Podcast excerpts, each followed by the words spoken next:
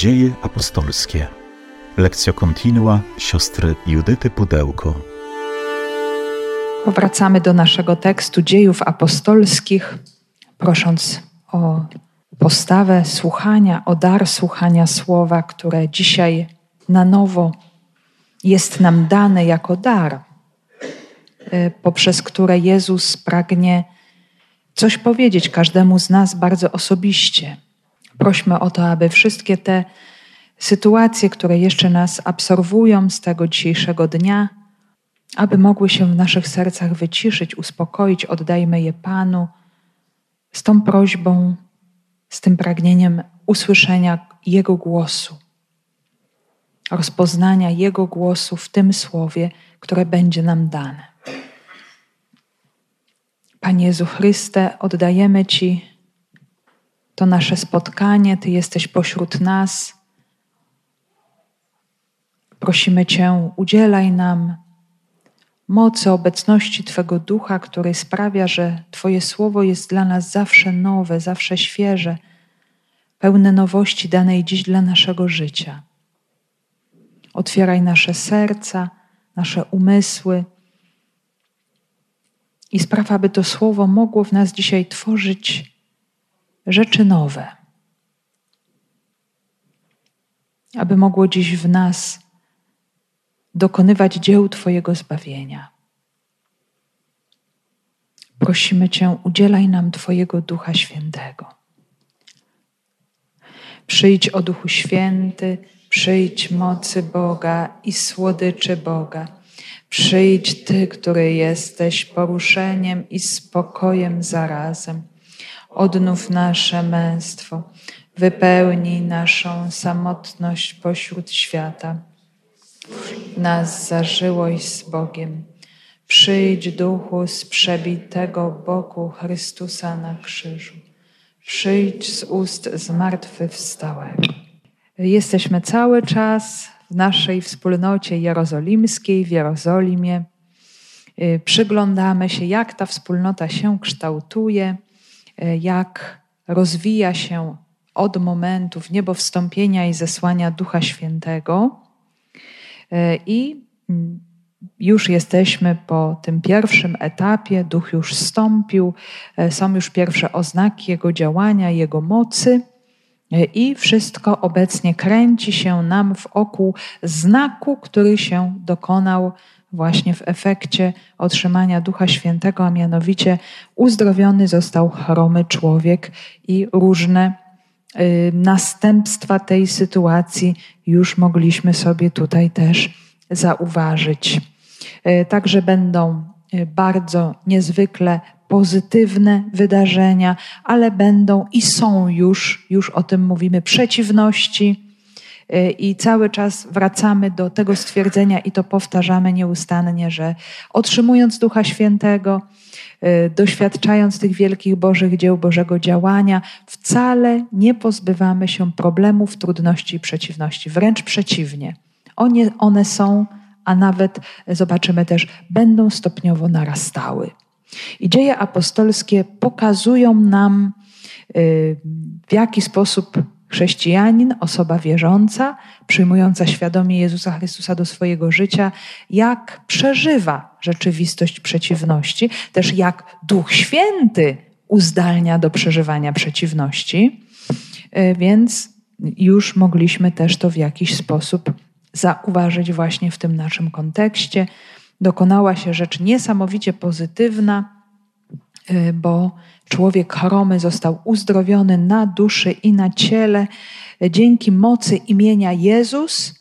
I też już sobie powiedzieliśmy o tym, co jest bardzo ważne, że to jest właśnie wydarzenie, które ma być potwierdzeniem mocy tego imienia i potwierdzeniem faktu zmartwychwstania.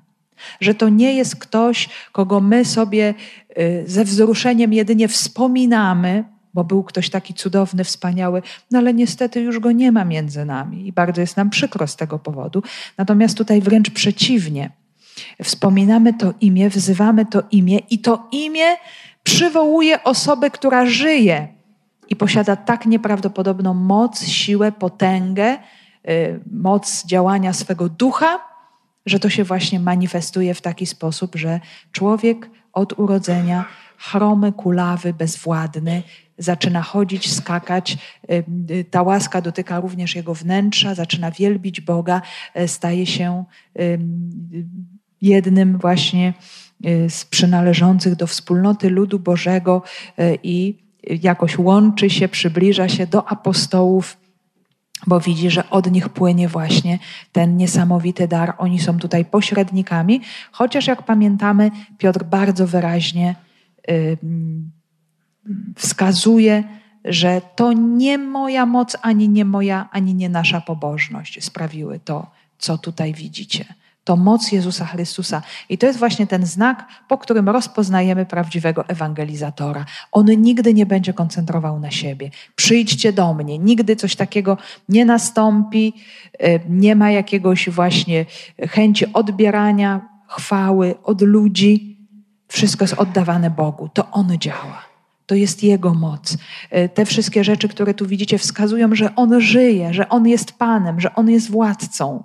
E, I mm, tutaj e, apostołowie są jedynie przedłużeniem, są reprezentantami żywego, zmartwychwstałego Jezusa, który, który działa, który się objawia właśnie w taki sposób. I Piotr to właśnie stopniowo wyjaśnia. Y, a wyjaśniając to, co się stało, oczywiście głosi słowo o Jezusie Chrystusie y, umarłym i zmartwychwstałym, zwycięskim, tym, który został odrzucony przez lud, ale który jednocześnie zwyciężył mocą swego zmartwychwstania, pokazał, jaka jest odpowiedź Boga na grzech człowieka. I to, moi drodzy, to tak będzie, także już też chcę Was do tego przygotować, że my będziemy jeszcze szereg takich mów tutaj słyszeć. Może będzie troszeczkę Y, pewne niuanse różniące nas mowy Piotra i Pawła, czy mowy skierowane do Żydów i mowy skierowane do Pogan, ale y, zobaczymy, że będą one i tak bardzo podobne, więc będziemy mogli się przekonać, że tak naprawdę głoszenie słowa przez Kościół to nie jest, to nie jest wymyślanie nowych opowiastek, żeby zaciekawić słuchaczy, i opowiedzieć coś takiego niesamowitego, żeby tutaj wszyscy się bardzo cieszyli, ale chodzi o to, żeby z wiarą opowiedzieć to samo, do czego mamy nieustannie i ciągle wracać. Prawdę o Jezusie Chrystusie, który umarł, zmartwychwstał i żyje. Jest pełny mocy dziś, tu i teraz w życiu każdego z nas. Oczywiście będziemy mogli też zauważać, że będą różne cytaty ze Słowa Bożego, z Pisma Świętego, odnoszone do osoby Jezusa, y, do aktualizacji Jego y, osoby i działania w tymże momencie. I to też jest, zobaczcie, tak w liturgii Kościoła, że my mamy różne czytania na różne dni, na niedzielę, na święta, na dni powszednie, na wydarzenia. I teraz właśnie chodzi o to, żeby poprzez to słowo zobaczyć jak Jezus Chrystus działa dzisiaj w naszej sytuacji i w naszym życiu. To jest to, co, czego powinniśmy się spodziewać, przychodząc na liturgię, do kościoła, do wspólnoty kościoła. Otrzymać właśnie taki pokarm, co dzisiaj mówi Pan przez to słowo, jak on dzisiaj działa w, y, w, naszym teraz i w moim teraz. To już potem każdy już sobie aktualizuje to słowo do siebie, ale tutaj powinni, powinny być e, też takie oczekiwania, a nie jak tu y, bardziej się powymądrzać i, i, i coś poopowiadać nieprawdopodobnego, czy takiego, żeby ludzie się bardzo zadziwili. Nie. E, spróbujmy właśnie też czytając czy słuchając dziejów apostolskich, ciągle coraz bardziej odkrywać w nich drogę Kościoła, naszą tożsamość i właśnie pomimo, że mijają wieki, świat się zmienia, zobaczcie, to słowo trwa. I ono tylko wymaga aktualizacji tego przyjęcia w nowych warunkach, w nowym kontekście, ale tak naprawdę to, co ono zawiera, jest niezmienne. Prawda o Jezusie Chrystusie, który żyje i działa. I w ten sposób wypełniają się pisma, życie jest dostępne dla każdego i każdy jest właśnie w związku z tym zaproszony do nawrócenia. I to zaproszenie do nawrócenia to jest znów kolejny element nieodłączny i konieczny, który wynika z wygłoszonego słowa. Jeżeli Bóg mówi to, jeżeli ja Boga odkrywam właśnie w tym Jego zbawczym działaniu, to co ja na to? To wezwanie do nawrócenia jest właśnie tym, jak pamiętamy, nawróceniem y, umysłu, czyli w jaki sposób ja teraz postrzegam Boga y, w tym, y, przez pryzmat tego słowa w moim życiu. I teraz, co to konkretnie może zmienić w moim życiu? Czasami mogą być to wielkie rzeczy, czasami małe rzeczy, ale jest właśnie cały czas zaproszenie do pewnego dynamizmu, do ruchu w naszym życiu. Bo zobaczcie, ten Duch Święty to jest właśnie ten cudowny y, obraz tego Bożego wiatru, duch, ta jego tożsamość ducha, czyli wiatru, ruach, pneuma. To jest ten, który pozwala nam oddychać, bo bez oddechu nie żyjemy, więc on nam daje to życie, ale jednocześnie wiatr to jest coś, co wprowadza w ruch. I się wszystko rusza, i nie ma statyczności, nie ma jakiegoś marazmu. I to samo Duch Święty czyni z nami. Nie? Wprawia nas w ruch w dynamizm duchowy. Y, wyprowadza nas właśnie z grobu naszej stagnacji, przyzwyczajenia. Więc y, z Duchem Świętym po prostu nie można się nudzić w żaden sposób. Więc nawracają się rzesze ludzi, y, ludzie słuchają, ludzie widzą znaki, ludzie odczuwają Bożą moc, która wypływa ze słów apostołów. No ale się robi duże zamieszanie, e, pojawiają się strażnicy świątynni, apostołowie są pojmani. To jest ich pierwsze doświadczenie tego rodzaju. Wprawdzie Jezus im to zapowiadał, że będą was stawiać wobec trybunałów ziemskich różnej maści. I teraz właśnie to się sprawdza, to się spełnia. E, no i, no i co? I wobec tychże władz Piotr i Jan z wielką odwagą dają świadectwo. Y, również wobec nich ogłaszają karygmat, y, że zupełnie nie mają żadnych oporów, czy mówią y, do uzdrowionego, czy do prostego ludu, czy do ludzi, do fachowców, znawców pisma i wiary żydowskiej, mówią to samo bez żadnych kompleksów, bez żadnego, możemy powiedzieć tutaj, lęku i oporu. Oczywiście jest im zakazane to głoszenie. Y, oni widzą, że y, właśnie to, ten przekaz słowa posiada w sobie jakąś niezwykłą moc. Dlatego zostaje im to zabronione, ale nie mając żadnych podstaw, uwalniają apostołów. No i co się dzieje dalej? Jaka jest reakcja na to wydarzenie? To jest, moi drodzy, niesamowicie ważne, bo zobaczcie, mamy sytuację pierwszego prześladowania Kościoła, takiego zewnętrznego. Ono jeszcze nie jest jakieś bardzo drastyczne, ale już widać, że oni się nie podobają komuś, że komuś tutaj przeszkadzają. I to się będzie coraz bardziej tutaj nasilać i nasilać. Ale to jest niesamowicie ważne, co teraz usłyszymy, bo zobaczymy, co Kościół na to w takim razie.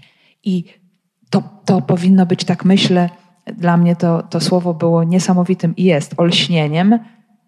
Co my na to wszystko, na wszelkiego rodzaju przeciwności? To nie jest też tak, że, że moi drodzy, że te przeciwności to jest Y, coś takiego, że ponieważ jesteśmy wierzący, to zaraz ktoś przyjdzie i nas wsadzi do więzienia.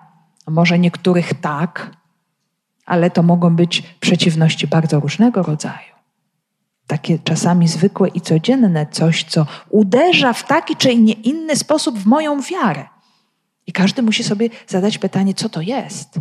Co uderza w moją wiarę? Co jest tym sanhedrynem, który chce stłumić to słowo, które do mnie płynie.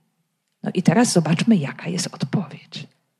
Spróbujmy się w niej odnaleźć, bo odpowiedź jest po prostu ekstremalna, jest po prostu mega. Z dziejów apostolskich.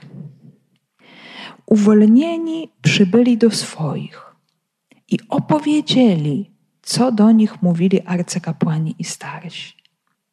A ci, wysłuchawszy tego, wznieśli jednomyślnie głos do Boga i mówili: Władco, Ty jesteś Bogiem, który stworzył niebo i ziemię i morze i wszystko, co w nich istnieje. Ty przez Ducha Świętego powiedziałeś ustami sługi Twego Dawida, dlaczego burzą się narody i ludy zabiegają o to, co próżne. Powstali królowie ziemi i rządzący zeszli się razem przeciw Panu i przeciw Jego pomazańcowi. Zeszli się bowiem rzeczywiście w tym mieście przeciw świętemu słudze Twemu Jezusowi, którego namaściłeś, Herod i Poncjusz Piłat z poganami i ludem Izraela, aby uczynić to, co ręka Twoja i myśl zamierzyły. A teraz spójrz, Panie, na ich groźby i daj sługom Twoim głosić słowo Twoje z całą odwagą, gdy Ty wyciągać będziesz swą rękę, aby uzdrawiać i dokonywać znaków i cudów przez imię świętego sługi Twego Jezusa. Po tej ich modlitwie zadrżało ziemię, miejsce, na którym byli zebrani, a wszyscy zostali napełnieni Duchem Świętym i głosili odważnie Słowo Boże. Y, mamy tutaj właśnie taką też strukturę tego tekstu, gdzie po wprowadzeniu zobaczymy wezwanie y, skierowane do Boga, przedstawienie sytuacji cierpienia, prośba o Bożą odpowiedź, o reakcję i na samym końcu wysłuchanie. Takie możemy powiedzieć, taka struktura wspólnoty Kościoła. Jak Kościół się modli w sytuacji trudnej. No tutaj mamy, moi drodzy, taką instrukcję do zastosowania. Uwolnieni przybyli do swoich i opowiedzieli, co do nich mówili arcykapłani i starsi. Także Piotr i Jan, wypuszczeni po tym całym nocnym pobycie w areszcie, potem po tym czasie przesłuchania i dyskusji z autorytetami prawa, powracają do wspólnoty, przybyli do swoich, czyli do chrześcijan, czyli do kościoła. Ta wspólnota ich przyjmuje, niejako oczekuje, pewnie modli się za nich y, i y, uczestniczy w ich losie. To jest właśnie tak, że chrześcijanie są zjednoczeni, złączeni y, ze sobą i jedni się troszczą o drugich, bo wszyscy stanowią jedno wspólne ciało Chrystusa. Także apostołowie opowiadają o tym wszystkim, co się stało, a Kościół właśnie to jest, to jest ta przestrzeń, to jest ta wspólnota, która uczestniczy w tym, y, przeżywa to, współodczuwa i też reaguje na to wszystko. No i możemy zadać to pytanie, jak? Na pierwsze prześladowania reaguje Kościół Pana. No, ten tekst jest taki bardzo, bardzo tutaj konkretny y, i daje bardzo y, szczególne wskazania. A ci wysłuchawszy tego, wznieśli jednomyślnie głos do Boga i mówili. Czyli co? Czyli najpierw Kościół słucha tego, co się stało. To jest właśnie ta pierwsza reakcja, usłyszeć głos tych, którzy są członkami naszej wspólnoty. Tutaj akurat to są apostołowie, to są ci, którzy są fundamentem.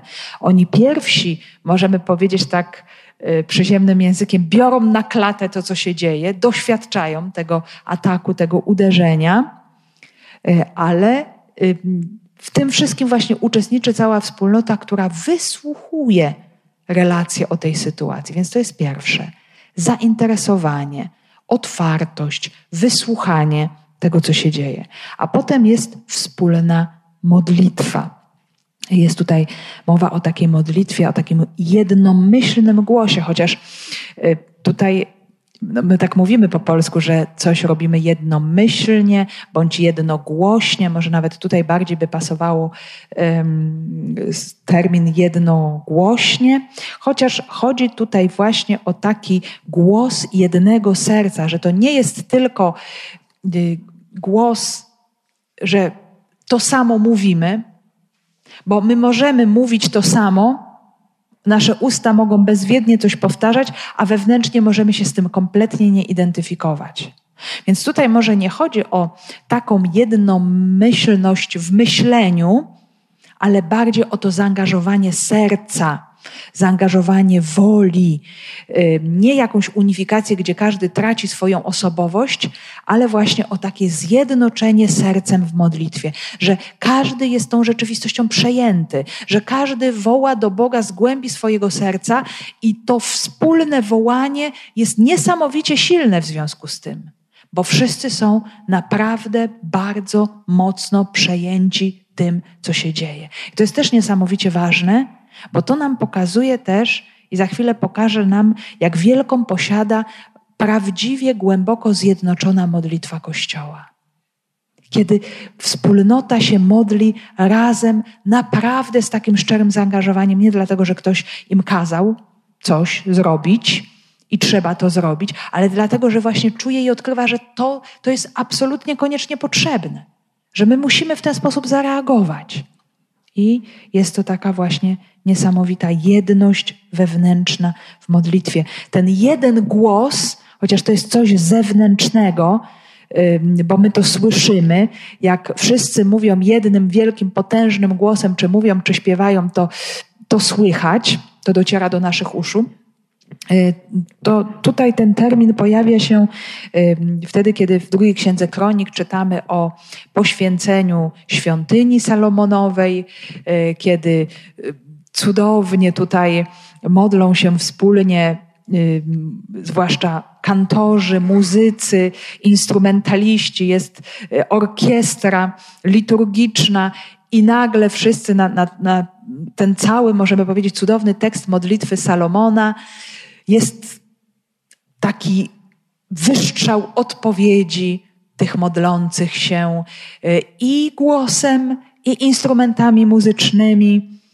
No i właśnie, i co to przynosi? Przynosi bardzo konkretną odpowiedź. Kiedy tak zgodnie wszyscy jak jeden trąbili i śpiewali, tak iż słychać było tylko jeden głos wysławiający majestat Pana, kiedy podniesie głos wysoko przy wtórze trąb, cymbałów, instrumentów muzycznych, chwaląc Pana, że jest dobry i że na wieki Jego łaska, świątynia napełniła się obłokiem chwały Pańskiej.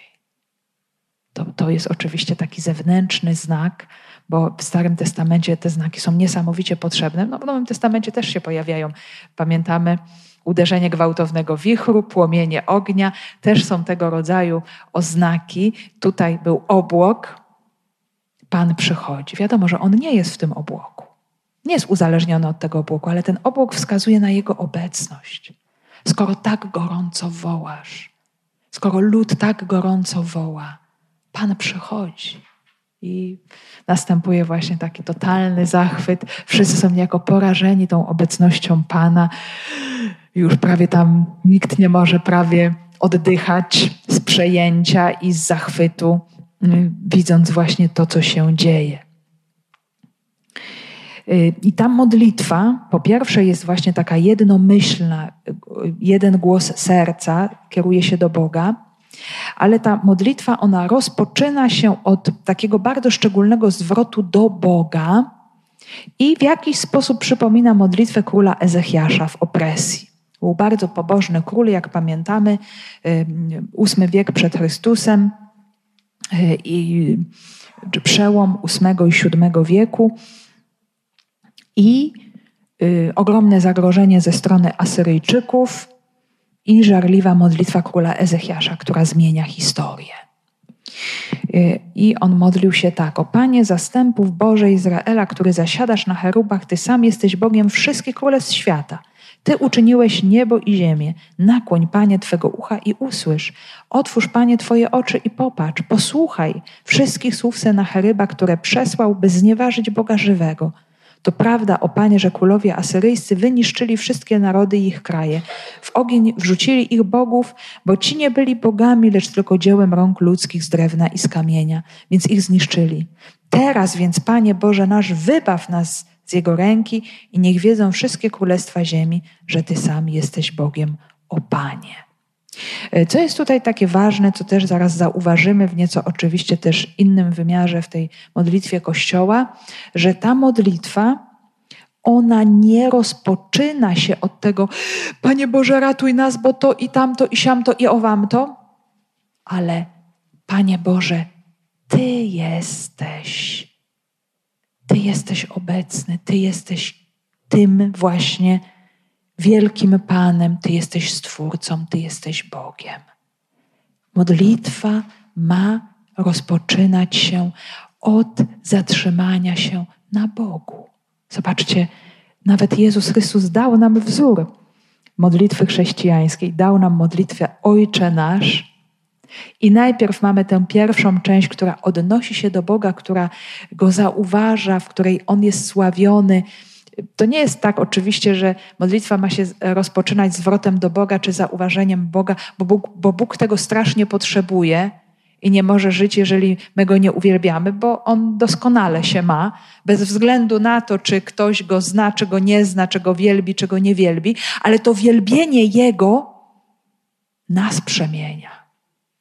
Ono jest dla nas dobrodziejstwem. Ono jest najbardziej bezinteresowną modlitwą, która nas przenika, przemienia, uświęca, otwiera, zmienia perspektywę naszego życia. Dlatego zobaczcie, ta kolejność i w modlitwie Ojcze Nasz nie jest przypadkowa. Że nie od razu mówimy Ojcze Nasz, chleba naszego powszedniego daj nam dzisiaj. Czy tam inne rzeczy. I tak samo tutaj. Najpierw zauważenie Boga, uświadomienie sobie, przed kim ja staję, kto to jest w ogóle. Nie? I tutaj on jest bardzo sławiony, Bóg Izraela, Pan zastępów, który zasiada na cheruba, który jest Bogiem wszystkich królestw świata. I to mówi człowiek, który trzęsie się ze strachu, bo boi się, że zaraz będzie pokonany przez, te, przez tą wielką potęgę, jaką jest Asyria. Ale w tej modlitwie, zobaczcie, jest ogromne wyznanie wiary. Ty, Boże, jesteś większy niż to wszystko, co mnie w tym momencie otacza, niż to, co mnie przerasta. I zupełnie podobnie jest tutaj. Władco, Ty jesteś Bogiem, który stworzył niebo i ziemię i morze i wszystko, co w nich istnieje. Władcą nie jest imperator rzymski. Władcą nie jest y, Piłat, y, czy Herod, czy jeszcze inni członkowie Sanhedrynu. Jest tylko jeden władca. I tutaj faktycznie pojawia się słowo, które wskazuje na władzę, na panowanie, bo tutaj w tekście greckim nie mamy słowa Kyrios, jako um, um, akurat w tym momencie, ale mamy słowo despotes. Oznacza właśnie takiego kogoś, kto ma władzę, kto panuje, od którego wszystko absolutnie zależy. Jako, jako jedynej instancji rządzącej. Właśnie tak Bóg jest nazwany. On jest Panem absolutnie wszystkiego, nie tylko tej jednej sytuacji, ale całego świata. Nieba i ziemi, i morza i wszystkiego, co istnieje, czyli y, na co tutaj Kościół zwraca uwagę, ten, kto ma prymat nad całą rzeczywistością, to jesteś Ty. Nie to, co się nam może wydawać, że ten ma prymat nad moim życiem, że ten może mi coś zrobić, tamten, że oni są panami świata, no bo, bo, bo tutaj zaczynają nas dręczyć i będą dręczyć coraz dalej. W ten sposób się nie modli chrześcijanin. Chrześcijanin wyznaje bardzo mocno swoją wiarę. Im bardziej doświadcza przeciwności, tym mocniej powinien to czynić. Tylko Ty jesteś Panem, choćby się działo nie wiadomo co. Choćby y, góry zapadały w otchłań morza, choćby się wszystko waliło i paliło, Ty jesteś Panem. No i tego się należy trzymać. To jest właśnie taki pierwszy wyznacznik modlitwy chrześcijanina, y, bo tutaj jest ta ogromna pokusa, kiedy się dzieją różne negatywne rzeczy, czy w naszym życiu, czy na, w szerszej jakiejś płaszczyźnie y, rodzinnej, społecznej, narodowej, światowej, kościelnej. My możemy tutaj wyliczać bardzo różne rzeczy. Jaka przychodzi pierwsza myśl, która jest ewidentną pokusą? Pan Bóg tego wszystkiego nie ogarnia. Skoro się dzieje to, to, to, to, to On jest słaby. Ja jestem sam. I jaki jest kolejny krok po takiej myśli? No to musimy sobie radzić po swojemu.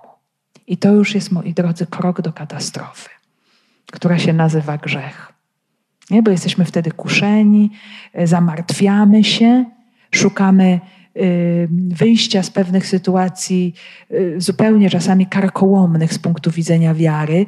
Y, działamy według logiki ludzkiej, no i wtedy demon może nas tak obkręcić pajęczyną, że my będziemy cały czas chcieli ratować sytuację po swojemu, ale tak naprawdę nie zrobimy nic. No bo czy my jesteśmy w stanie cokolwiek uratować? No nie.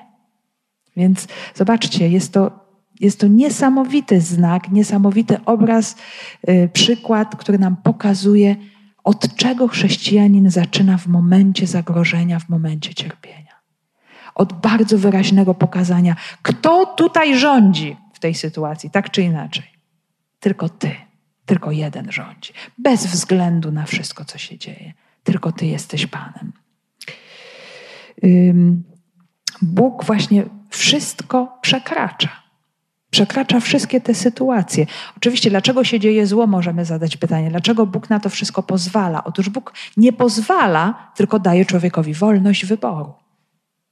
I nie odbiera tej wolności wyboru człowiekowi, ponieważ jest niesamowicie konsekwentny z nami. Nie unicestwił demona, mógłby to zrobić. Mówiliśmy sobie o tym już tutaj kilka razy. Kiedyś takie pytanie mi zadała mała dziewczynka w kościele. Mama się bardzo wstydziła, że ona chce to pytanie zadać, a, no ale to było genialne pytanie tego dziecka. Dlaczego Pan Bóg diabła nie zabije? Właśnie dlatego, że jest niesamowicie konsekwentny.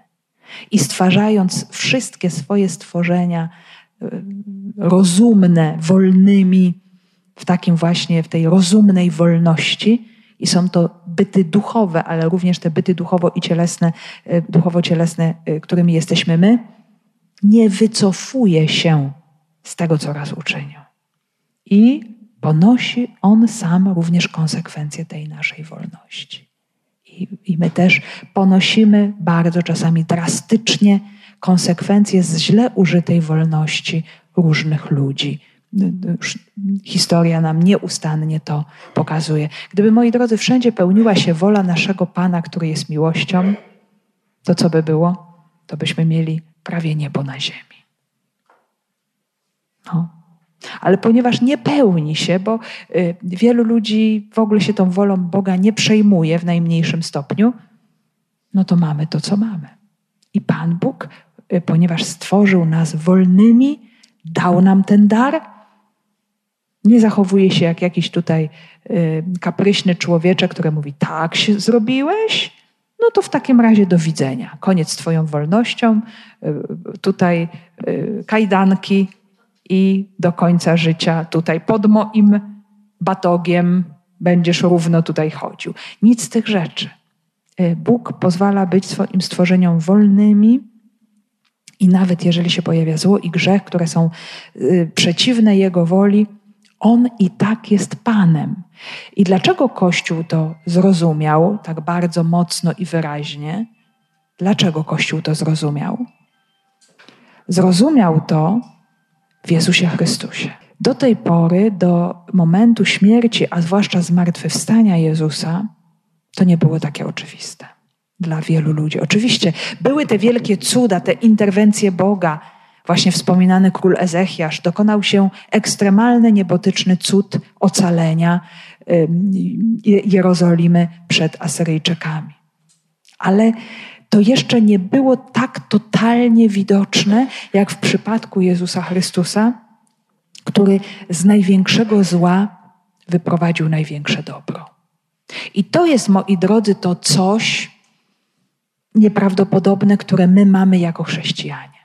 No, tego się nie da równać z niczym, bo wydaje się, i wszędzie to widać, e, biorąc pod uwagę wszystkie możliwe religie, jakieś nurty, filozofie, e, sposoby życia, e, takie czy nie inne sposoby wartościowania, że zło jest rzeczywistością, która, przy której wszyscy się wykładają. Dokładnie. I, i stają zupełnie bezsilni wobec rzeczywistości zła, i, a zwłaszcza wobec rzeczywistości śmierci i nie umiemy nic powiedzieć na to wszystko. Natomiast y, rzeczywistość Jezusa Chrystusa zmieniła absolutnie wszystko w tym temacie. I dlatego my możemy nawet na rzeczywistości trudne patrzeć zupełnie inaczej. No oczywiście nazywać rzeczy po imieniu, bo zobaczcie, że oni o tym rozmawiają. Apostołowie opowiedzieli to, co się stało. Nie owijali w bawełnę. Jest tak i tak, jest sytuacja taka i taka. I co w związku z tym? W związku z tym Bóg jest absolutnym Panem wszystkiego. Jest ponad tym wszystkim, nawet jeżeli by się mogło wydawać, że jest y, całkowicie inaczej. Więc zwycięstwo zaczyna się od tego wyznania wiary, bardzo konkretnego. Ty jesteś Panem. I y,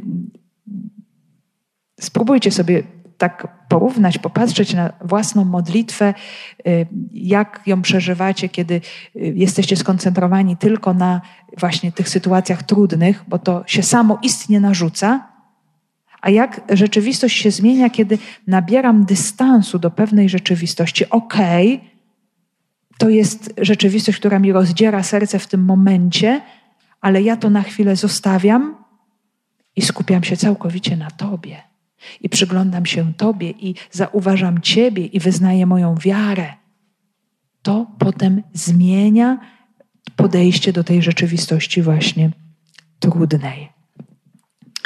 Ty przez Ducha Świętego powiedziałeś ustami sługi Twego Dawida. Dlaczego burzą się narody i ludy zabiegają o to, co próżne? Powstali królowie ziemi z rządzącymi, zeszli się razem przeciw Panu i przeciw Jego pomazańcowi. I co się teraz dzieje? Jest przywołane Boże Słowo. Najpierw jest właśnie to uwielbienie Boga, a teraz Kościół y, zostaje przez Ducha Świętego poprowadzony w kierunku konkretnego cytatu biblijnego. I to jest psalm, tak akurat dwa wersety z psalmu drugiego.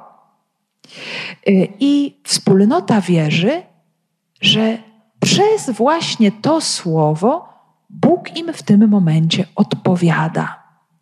To słowo oczywiście y, jest tu przypisane Dawidowi.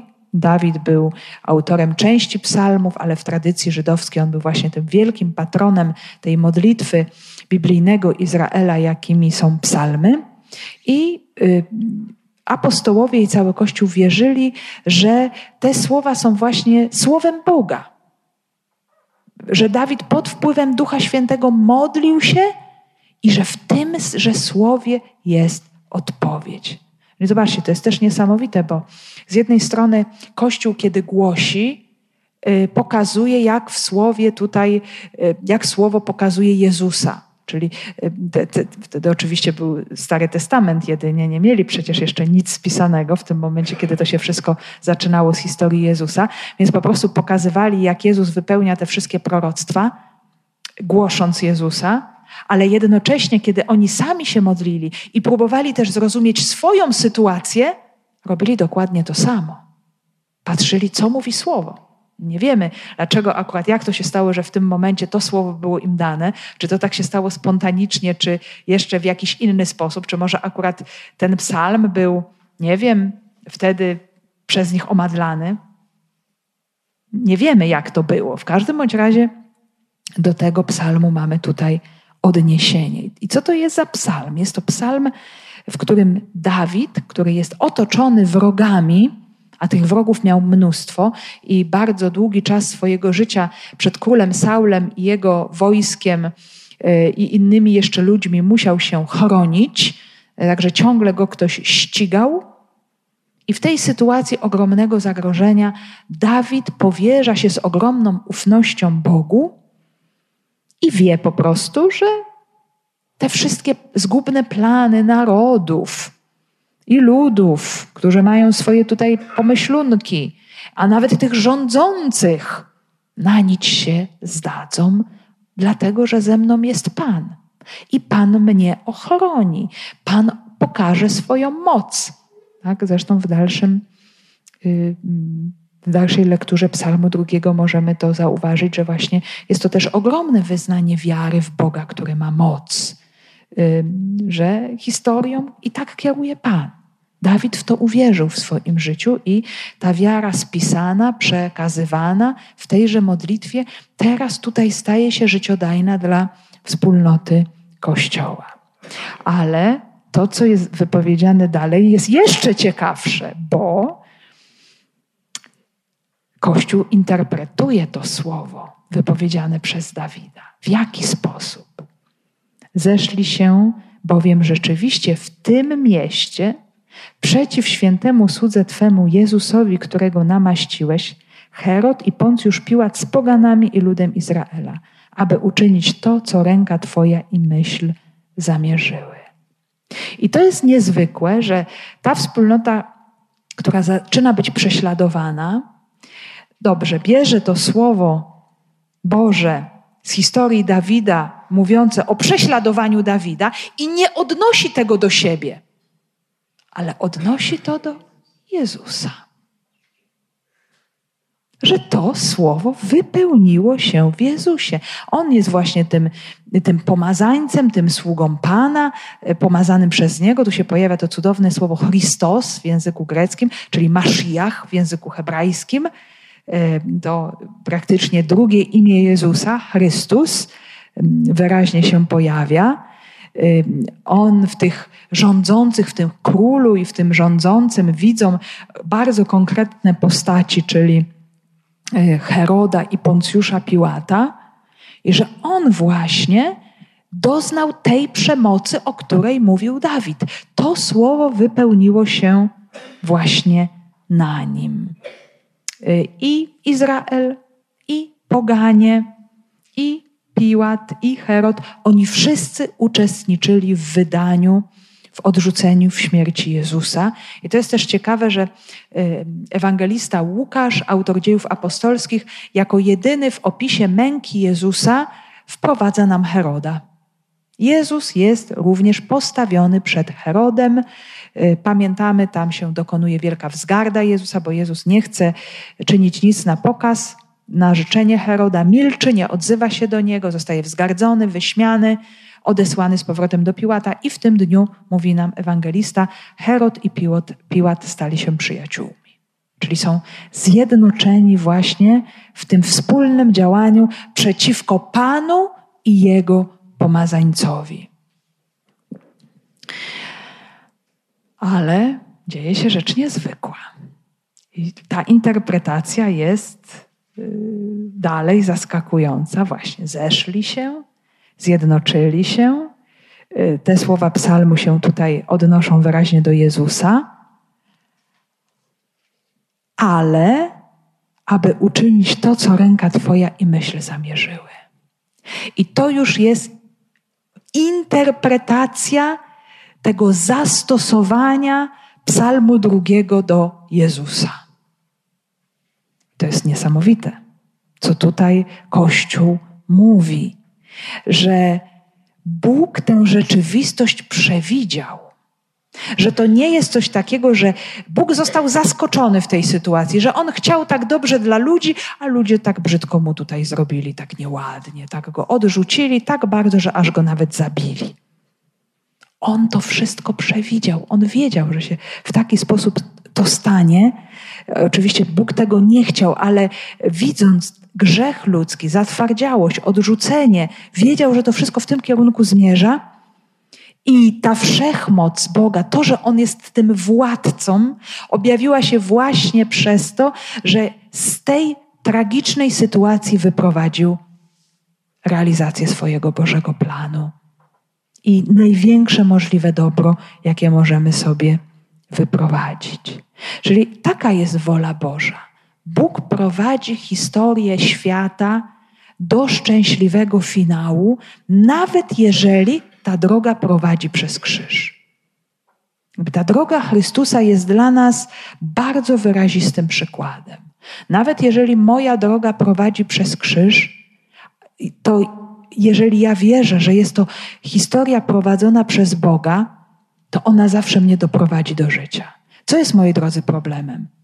Brak wiary, że Bóg prowadzi tę historię. Zobaczcie, ten błąd popełniany na starcie, czyli koncentracja zupełnie tylko na tych strasznych rzeczach, które się dzieją, i my tylko otwieramy wiadomości i się wszystko wylewa. Plum na nas, taki ocean, takie tsunami, które nas prawie zmiata, te wszystkie straszne rzeczy, które się dzieją wokół nas. No i właśnie co potrzeba w tym momencie zrobić? Władco, Ty jesteś Panem tego wszystkiego, bez względu na to, co się dzieje. Tego nas uczy Boże Słowo, tego nas uczy historia Jezusa Chrystusa.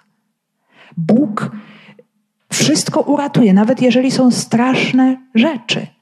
Oczywiście trzeba, y, nie można tego negować, wszelkiego zła, które się dzieje, ale im większe dzieje się zło, tym bardziej trzeba uderzać do Boga, który jest absolutnym Panem. I to dopiero coś może zadziać w życiu wierzących, właśnie taka postawa. Bóg prowadzi wszystko do ostatecznego dobra.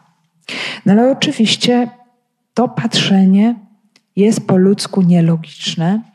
To nie jest coś, co nam przychodzi w sposób naturalny, bo w sposób naturalny od razu się w nas rodzi bunt, złość i właśnie krzyk: Boże, jak ty mogłeś do tego dopuścić, doprowadzić, jak ty mogłeś do tego pozwolić? Gdzie ty byłeś w tej sytuacji, w tej czy w innej?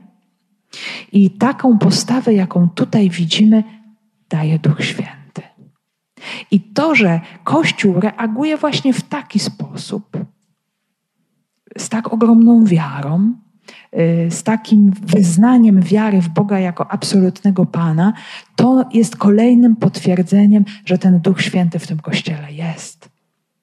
Człowiek sam ze swej natury nie byłby w stanie tak y, odpowiedzieć. I oni to jest już kwestia ich doświadczenia, y, tego, co przeżyli razem z Jezusem. Przynajmniej y, to musi być bardzo silne też wśród apostołów, bo ci kolejni, którzy dołączają, oni dopiero wchodzą w tę rzeczywistość i jej się uczą, przyjmując świadectwo naocznych świadków i apostołów. Ale skoro oni widzieli tę śmierć Jezusa, widzieli tę makabrę, tę tragedię, która się dokonała, a potem widzieli to życie, które Bóg z tego wszystkiego wyprowadził, to jaki wniosek? Wniosek się narzuca sam.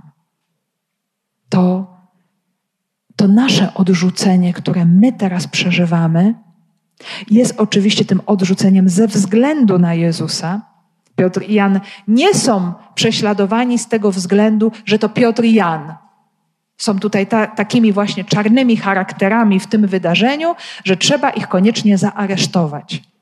Jest to prześladowanie ze względu na Jezusa. I dlatego ten psalm drugi jest odniesiony do Jezusa, a nie do nich. I to jest też kolejny element niesamowicie ważny w naszym rozumieniu i przeżywaniu naszej historii jako chrześcijan. Y, właśnie ta umiejętność przeżywania tego naszego życia jako części Chrystusa. Że my jesteśmy częścią Chrystusa, że my jesteśmy nierozłączni z Nim, że jeżeli my cierpimy, to tak naprawdę Chrystus cierpi. To jest ta Jego męka. On się tak bardzo z nami identyfikuje, z każdym z nas. I y, to jest to Jego cierpienie, nie moje jako mnie, no bo niby z jakiego powodu? Oczywiście e, tutaj mówimy o tym rzeczywiście odrzuceniu, które e, jest związane z, z wartościami, które się przyjmuje, z wiarą, którą się przyjmuje, e, z wynikającego z tego sposobu życia, które się przyjmuje ewangelicznego, które będzie kóło, które się będzie wielu osobom nie podobało. To nie jest prześladowanie dlatego, że ja mam wady i komuś robię przykrość i ktoś mi oddaje pięknym za nadobnym. To zupełnie nie o to chodzi. To chodzi właśnie o to odrzucenie, które się dokonuje ze względu na Jezusa Chrystusa i na przynależność do Niego. I w tych sytuacjach my mamy prawo, a nawet obowiązek czuć się tą częścią Chrystusa, zjednoczeni z Nim, y, przylgnięci do Niego z tą wiarą i pewnością, że On nas podniesie z tego mocą swojego własnego zmartwychwstania. I to, co się stało w jego życiu, w podobny sposób stanie się w naszym życiu, bo my jesteśmy jedno. Jesteśmy ze sobą y, zespoleni. Czyli apostołowie i Kościół patrzą na siebie tylko i wyłącznie przez pryzmat słowa spełnionego w Jezusie. To jest właśnie ta postawa człowieka wierzącego, y, którą daje nam słowo i która zupełnie zmienia perspektywę też podejścia do różnych trudności, w których też uczestniczymy. Czyli najpierw jest, zobaczcie, ta sytuacja zrozumienia swojej, tego, co się dzieje. I to jest niesamowicie ważne, bo jeżeli w tej pierwszej części nastąpi zamieszanie i bałagan, i koncentracja na sobie, i biadolenie, i brak wiary, to już będzie bardzo trudno przejść do tego, co nastąpi w kolejnym wersecie. Rzecz niesamowicie ważna i fundamentalna. Więc jest ważne, żeby właściwie się odnieść do tego, co się dzieje, właściwie to zweryfikować, właściwe odniesienie do Boga i co się dzieje dalej. No, dzieje się coś fenomenalnego. A teraz spójrz, Panie, na ich groźby i daj sługom Twoim głosić słowo Twoje z całą odwagą, gdy Ty wyciągać będziesz swą rękę, aby uzdrawiać i dokonywać znaków i cudów przez imię świętego sługi Twego Jezusa. I to jest, moi drodzy, szok. Absolutny szok. Ponieważ Kościół odczytując swoją własną historię i tożsamość w łączności z Jezusem i odczytując właśnie łączność tej historii i Kościoła i Jezusa, dokładnie i właściwie rozpoznają, o co mają prosić. My wielokrotnie słyszymy w Ewangeliach właśnie prościa będzie wam dane, szukajcie, a znajdziecie, kołaczcie, otworzą wam. Zresztą to jest Ewangelia Łukasza też. Wiele przypowieści o modlitwie. Ale trzeba wiedzieć, jak się modlić i o co się modlić. Bo jeżeli nasza modlitwa jest jakaś, no właśnie, pełna chaosu i niezrozumienia właściwie tego, co się dzieje, nie potrafimy się modlić w tej syntonii, harmonii z Duchem Świętym. I wtedy Bóg nie da nam tego, o co prosimy, bo prosimy w sposób niewłaściwy, szkodliwy nawet dla nas. A tutaj dzięki temu rozpoznaniu oni proszą o rzecz szokującą. Wcale nie proszą o usunięcie zagrożenia, chociaż to by się właściwie nasuwało.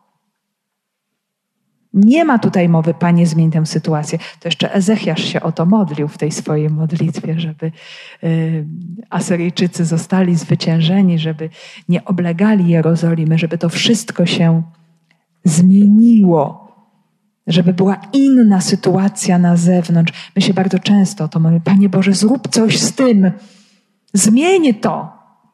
Ja już dłużej nie wytrzymam. Ale zobaczcie, Kościół się tak nie modli. Kościół się modli zupełnie inaczej.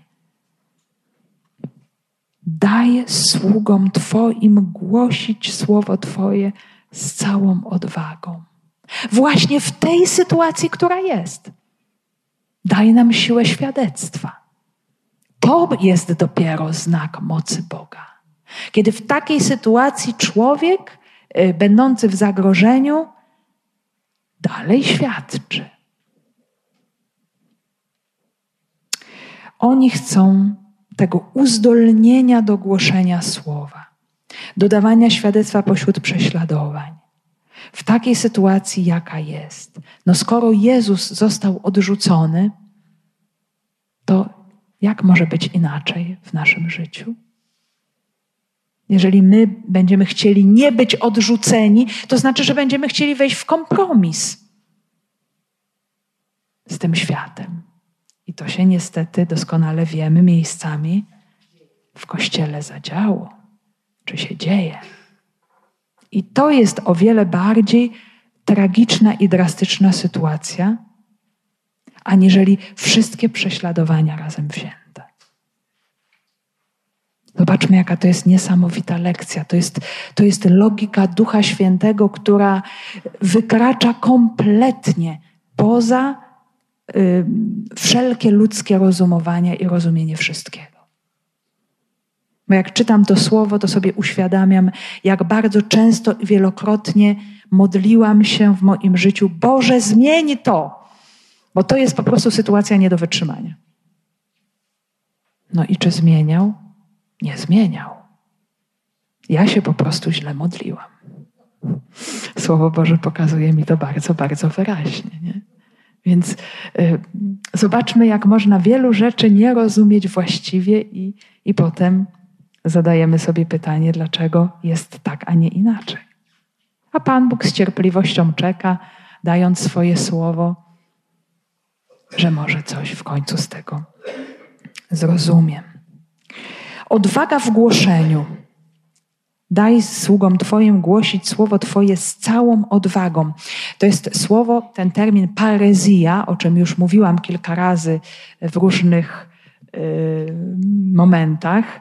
Jest to trudno tak przetłumaczyć jednym słowem, bo to słowo y, oznacza i odwagę, i wolność głoszonego słowa, wypowiadanego słowa, ale taką swobodę. Tak, że człowiek wie, że ma coś powiedzieć i się kompletnie nie krępuje tym, jak ktoś inny zareaguje. To była typowa postawa Jezusa. Mówiliśmy sobie o tym kiedyś przy okazji Ewangelii Jana też, że Jezus właśnie tak mówił z całą jawnością i swobodą pewne rzeczy wobec swoich oponentów. Y, cały ówczesny starożytny świat oscylował pomiędzy groźbą i pochlebstwem. I to były dwa sposoby uzyskiwania za pomocą mowy tego, co się chciało uzyskać. Jeżeli mam władzę, mogę grozić. A jeżeli akurat w tym momencie nie mam władzy, no to mogę stosować piękny podlis, zręcznie manipulując w taki sposób, żeby uzyskać dokładnie to, co chcę, e, robiąc wrażenie, że jestem kimś bardzo takim podległym, uniżonym, ale jest to oczywiście postawa manipulująca i mm, myślę, że nie tylko w tym starożytnym świecie, ale generalnie w ogóle powszechnie e, to dalej trwa właśnie tego rodzaju działania, żeby coś sobie ugrać, tak czy inaczej. Mm, myślę, że to wszędzie, wszędzie jest bardzo mocno widoczne. Natomiast Parezja to było coś bardzo wyjątkowego, wielkiego, e, postawa bardzo podziwiana, bo właśnie gdzieś wykraczająca poza rzeczywistość groźby i pochlebstwa. Wolność słowa, cechująca ludzi wolnych, ludzi odważnych, ludzi, którzy nie bali się ponieść konsekwencji tego, co mówili po tym, co mówili. Więc y, to też miało być zadanie polityków, właśnie takich możemy powiedzieć jeszcze bardzo y, rozumowaniach teoretycznych, że polityk, który to jest ten, który naprawdę działa totalnie dla dobra wspólnego i on ze względu na dobro wspólne ma mówić wszystko. Pan rezis, parezja, y, nawet tutaj etymologicznie tak taką tę łączność możemy tutaj zauważyć. Do tego też byli wzywani przyjaciele. Do, przyjacielowi masz powiedzieć wszystko to, co myślisz. I to jest też oznaką, że jesteście prawdziwymi przyjaciółmi, gdzie nie ma zakładania masek, mm, mm, mm, robienia uników, ale właśnie ma być ta jawność, swoboda i odwaga w mówieniu nawet właśnie wobec jakiejś tam wrogości. I jest to oczywiście przeciwieństwo tak zwanej poprawności politycznej.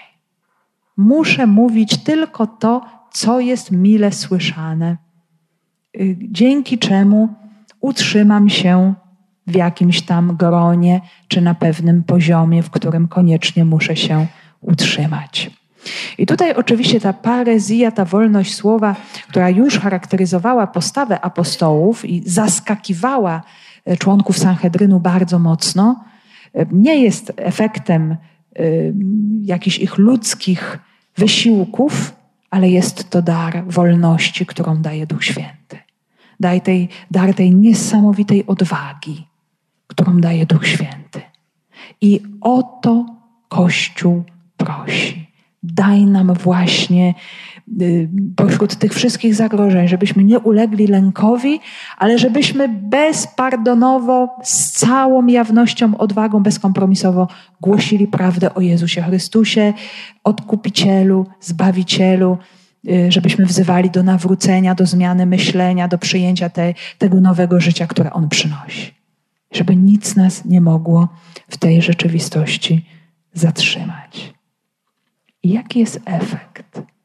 Efekt jest, moi drodzy, natychmiastowy. Po tej ich modlitwie zadrżało miejsce, na którym byli zebrani, a wszyscy zostali napełnieni Duchem Świętym i głosili odważnie parezja, Słowo Boże. Zadrżała ziemia, to jest ten znak zewnętrzny, że zaraz Bóg objawi da jakieś potwierdzenie, odczuwalne, widoczne. No, duch jest niewidzialny, więc e, coś tutaj dotyka również tej rzeczywistości natury. Tak jak e, zobaczcie, w Dniu Pięćdziesiątnicy był ten wiatr i ten ogień, tak tutaj mamy e, to drżenie ziemi, gdzie właśnie Bóg potwierdza, tak. To jest właśnie to, ta droga, którą macie iść Y, wspólnota zjednoczona w modlitwie, y, słuchająca słowa, przyjmująca ducha, rozeznaje w sposób właściwy. To jest ta droga. Y, to jest właśnie to, co będziecie czynić, będziecie głosić odważnie Słowo Boże wśród prześladowań. I ta droga właśnie teraz stoi przed Wami. I Bóg na tą modlitwę odpowiada e, darem ducha, tym kolejnym znakiem umocnienia. Ja jestem z wami, ja, was, tej, ja was w tej sytuacji prowadzę. No i ta drżąca ziemia jeszcze co nam mówi? Tak, macie rację. Ja jestem władcą. Nie pomyliliście się. Chociaż się wydaje, że może jest inaczej, ale zobaczcie, ja jestem władcą tej ziemi, tego nieba, tego morza i wszystkiego, co w nich przebywa, i, yy, i was nie zawiodę. Choć będziecie przechodzić po ludzku drogę Jezusa Chrystusa, drogę Paschy, yy, drogę też śmierci. I to stąpienie ducha też jest przez wielu nazywanych taką małą pięćdziesiątnicą, takim kolejnym wylaniem ducha, y, który ogarnia już wszystkich wierzących, nie tylko te 120 osób będących w wieczerniku, ale zobaczcie już ci wszyscy, którzy się dołączyli, tu 3 tysiące, tam 5 tysięcy, no nie wiemy, czy tylu ich było, może jest to, jak sobie mówiliśmy, wyolbrzymione celowo, żeby pokazać ten dynamiczny wzrost Kościoła, jaki daje Duch Święty, ale już ci wszyscy ludzie, ci, którzy też już ostatnio dołączyli, mogli się przekonać, tak, to, o czym świadczą apostołowie, jest prawdą. My wszyscy jesteśmy zanurzeni w tej mocy, w mocy Ducha Świętego, który nas uzdalnia do dawania świadectwa. I się tutaj zatrzymamy w tym momencie i na co możemy zwrócić uwagę, na co jesteśmy zaproszeni.